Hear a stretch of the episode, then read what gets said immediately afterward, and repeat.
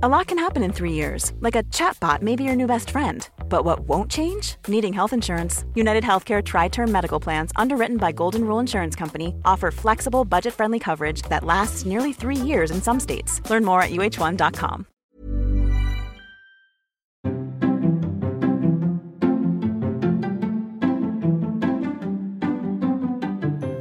Då är ni välkomna till Parkinsonpodden som idag är på Akademiska sjukhuset i Uppsala hos Dag Nyholm, professor i neurologi och Robert Bodén, professor i psykiatri.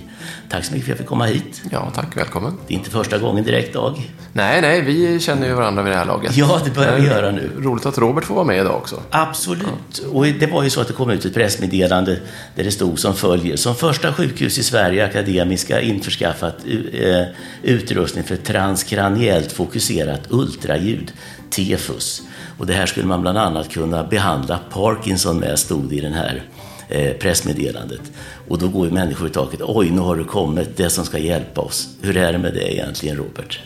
Ja, det är inte så att den här metoden eh, är, nu har en, eh, något botemedel mot Parkinson. Eh, eller mot någon av de andra sjukdomarna. Utan det, det här är ett verktyg som vi kommer kunna använda för att beforska om det i framtiden kan eh, eventuellt hjälpa en del av de här sjukdomarna som är eh, upptagna i det meddelandet. Mm.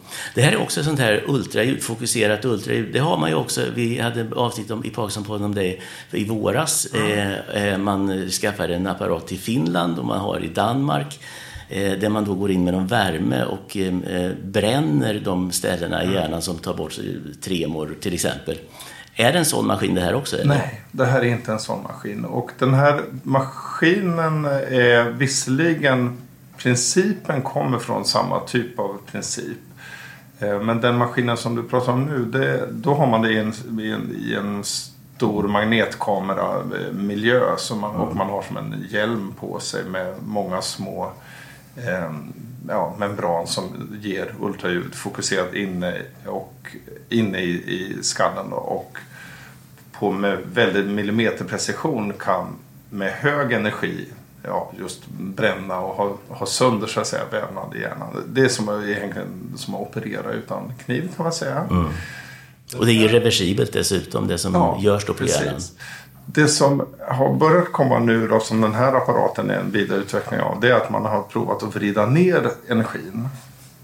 Och, och det har man gjort även med sån här, det kallas ju för HIFU, den här, mm. där man har den här högintensitetsfokuserat ultraljud. Eh, de har provat att vrida ner eh, stimuleringsintensiteten så att man inte längre har sönder vävnaden utan man istället så att säga skakar om, skulle man enkelt kunna säga, ja. Eh, nervcellerna. Och när man gör det så påverkar man elektriska förhållandena för nervcellerna som gör att de signalerar på ett annat sätt utan att man förstör dem hjärncellerna styrs elektroniskt och kemiskt säger man. Ja, precis. Och så just den elektriska delen kan man genom att mekaniskt påverka dem med ultraljudet och så att säga skaka om dem så kan man påverka det, den, den elektriska eh, ja, benägenheten hos nervcellerna att signalera.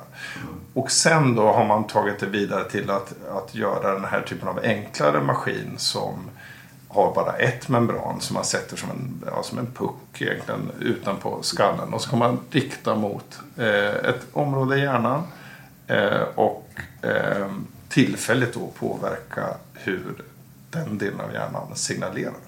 På sikt, är det någonting som skulle kunna användas vid Parkinsons sjukdom? Det här? Så går det att boosta upp den så man når in till den del av hjärnan, basala ganglierna, där, där problemen sitter för dem med Parkinson? Det ska Dag få svara på strax mer utförligt för att det tror jag du kan svara bättre på. Men från liksom en, en psykiaters håll så tänker jag väldigt grovt så här att många av de psykiatriska sjukdomarna eh, om vi ska använda en analogi då, att hjärnan är som ett vägnätverk. Så att vi tänker oss typ kartan över Stockholm och så finns det ett vägnätverk där.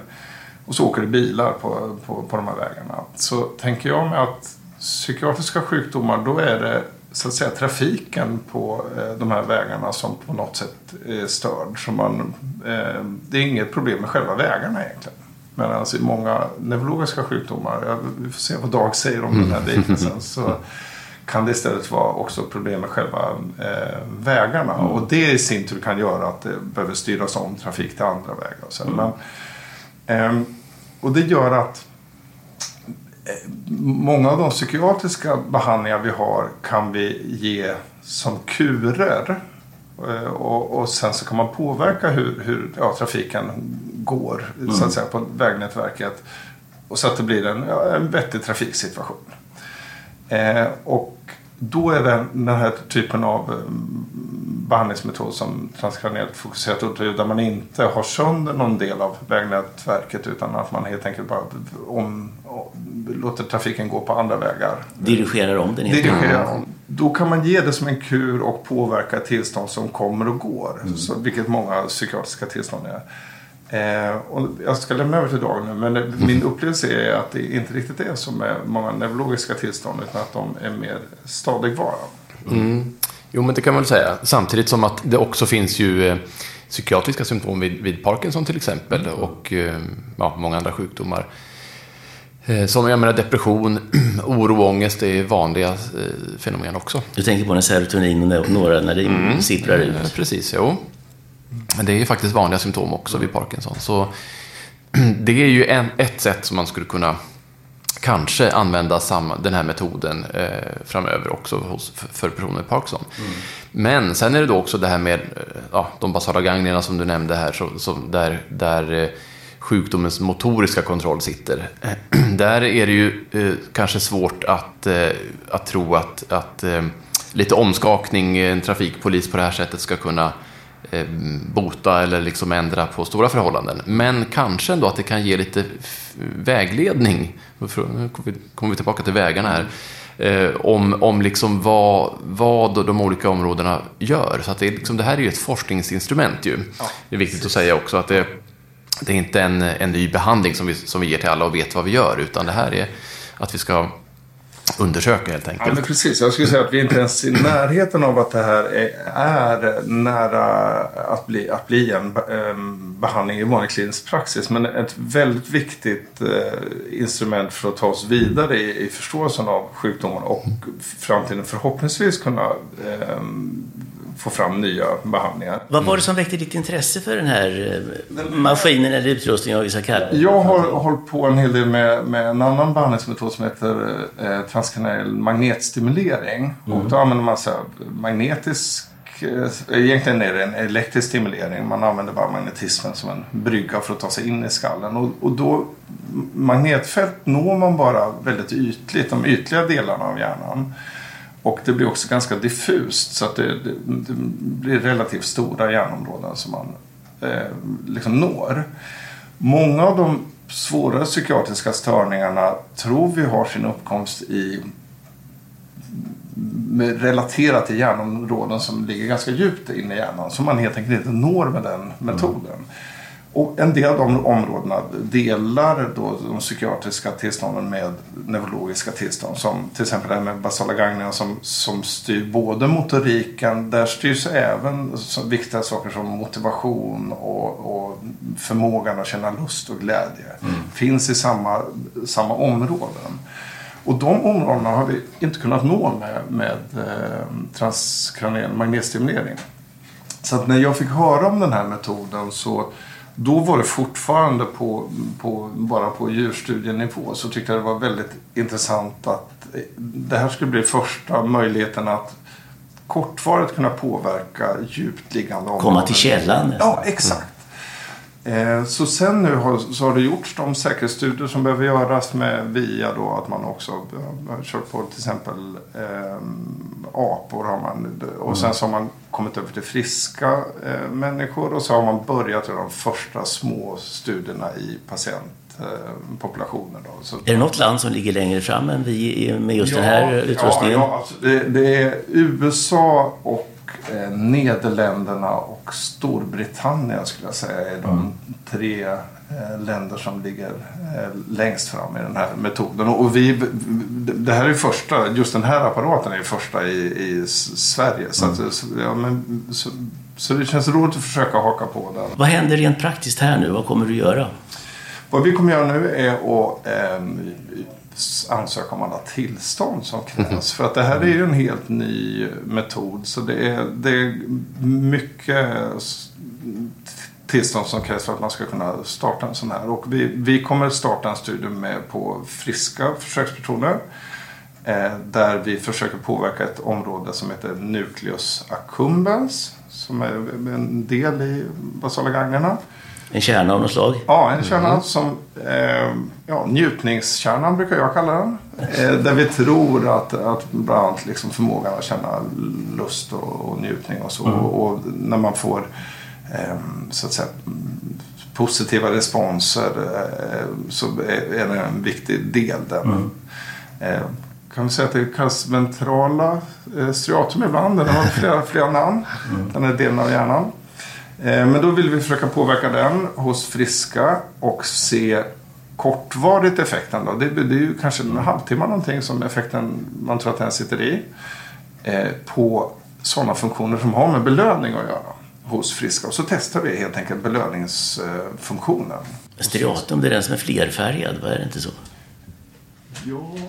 Nu vart det djupa veck i pannorna här.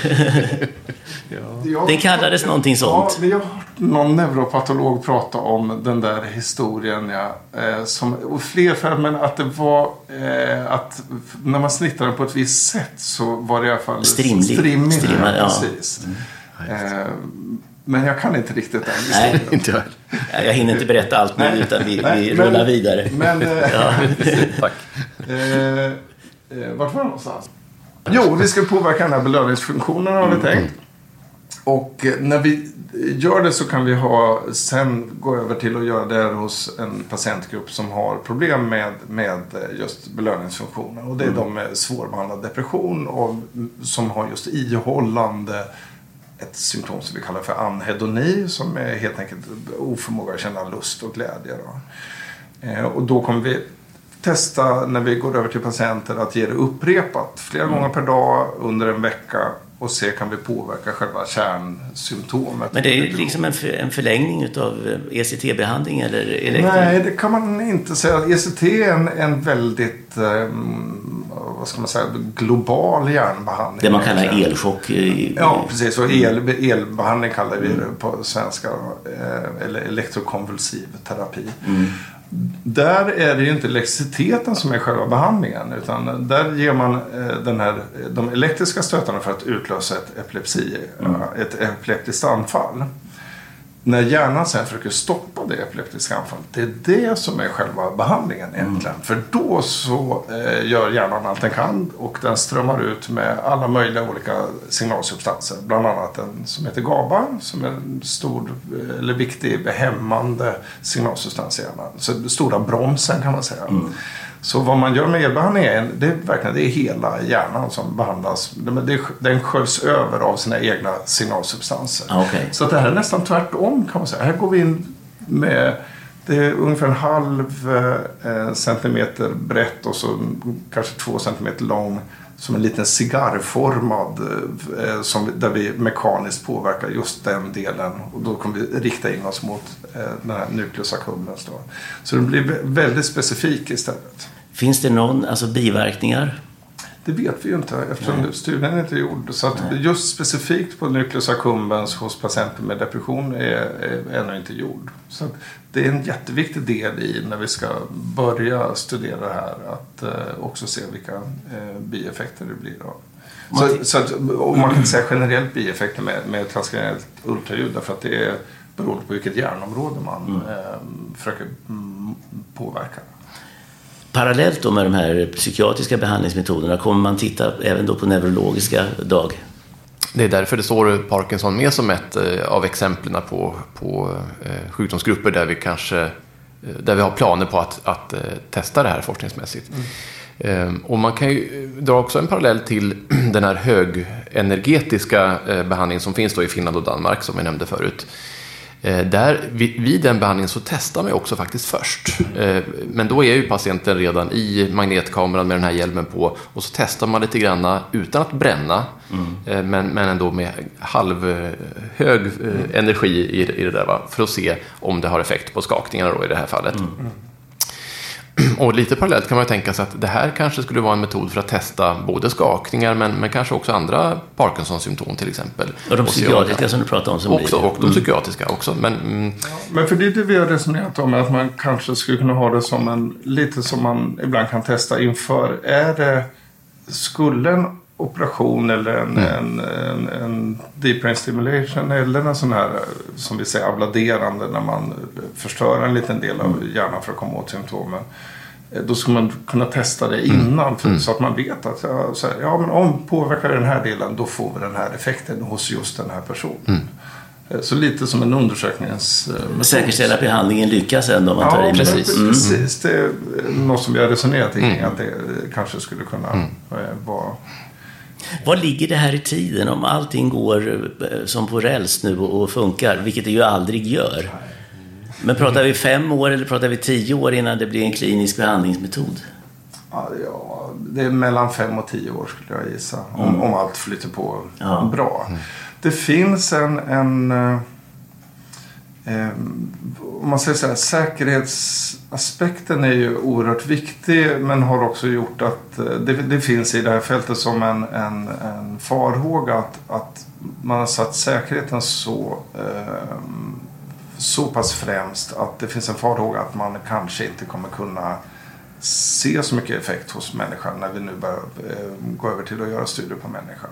För att man kanske har satt eh, gränserna för tajt. man enkelt. lite överdrivet eh, Ja, försiktig? Så det, det, det är snarast den farhågan som är i, i fältet nu. Och, och är det så, då kommer det ta tid. För då kommer vi behöva göra studier inom flera olika sjukdomstillstånd och se att vänta, det händer ingenting. Men det händer ju saker i djurstudierna. Och så kommer man få se, ja men var det säkert? Och då kommer man kunna öka energin successivt. Och det här kommer ju vara en, en, en långsam process. Och det, det, det finns inga finns inga stora multinationella företag eller finansiella muskler som driver på det här. Utan det, det, det är små eh, idealistiska eh, akademiska centra som bedriver sån här typ av forskning. Men du måste ju ändå tro på den som har köpt in den antar Ja, jag. Så du, du absolut. känner dig, som man säger i politiken, försiktigt positiv. Exakt, precis. precis. Det är viktigt att ha rimliga förväntningar. Eh, Så det är framförallt ett viktigt forskningsverktyg för att komma vidare i vår förståelse av de här sjukdomarna. Gemensamt neurologiska, eh, psykiatriska som utgår från de här djupt liggande områdena i hjärnan. Vad säger vi nu till de eh, Parkinson-patienter som eh, vädrar morgonluft här nu? Och, och för det första då förklarar du att det är två olika system, det här Focus Ultrasound här, som eh, ni har köpt in här i, i Uppsala och sen jämfört dem med Danmark och Finland, där man har helt annat. Precis. Det, här, det, det som vi har här nu då är en forskningsmetod och det som eh, finns i Danmark och Finland och som kommer att komma till Sverige så småningom.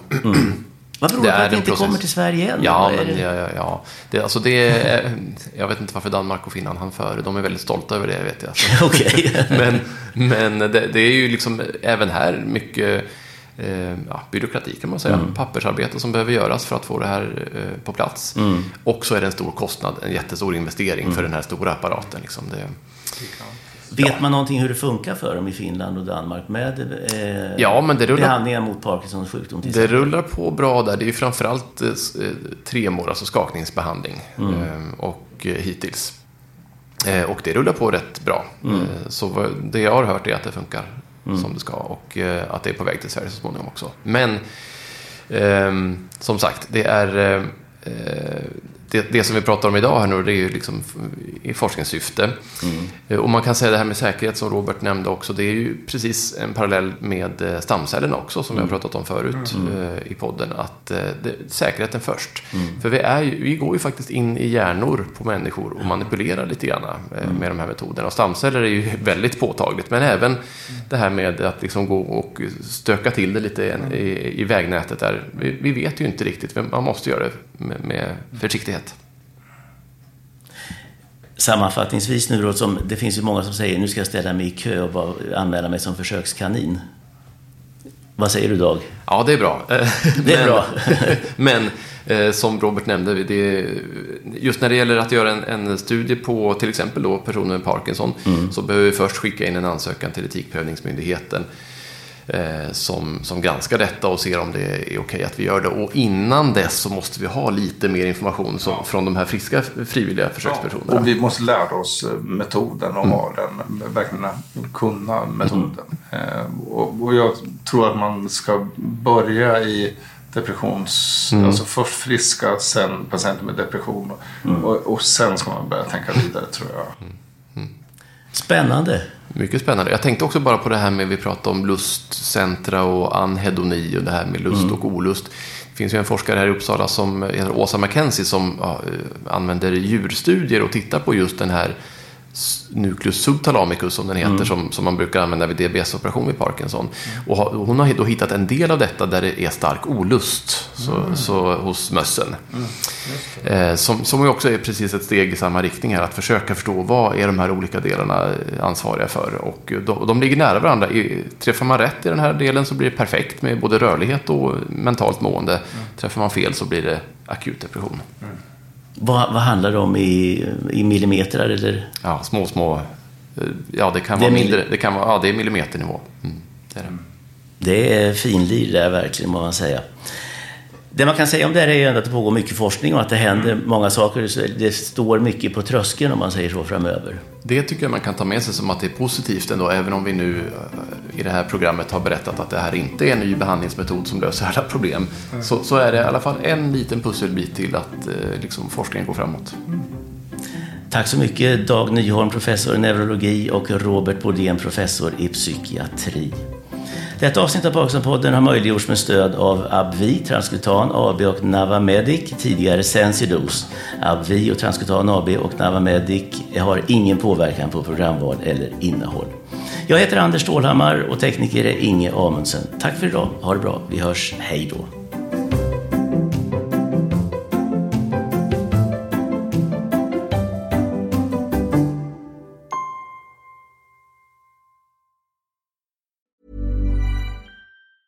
Planning for your next trip? Elevate your travel style with Quince. Quince has all the jet setting essentials you'll want for your next getaway, like European linen, premium luggage options, buttery soft Italian leather bags, and so much more. And is all priced at 50 to 80% less than similar brands. Plus, Quince only works with factories that use safe and ethical manufacturing practices. Pack your bags with high-quality essentials you'll be wearing for vacations to come with Quince. Go to quince.com/pack for free shipping and 365-day returns.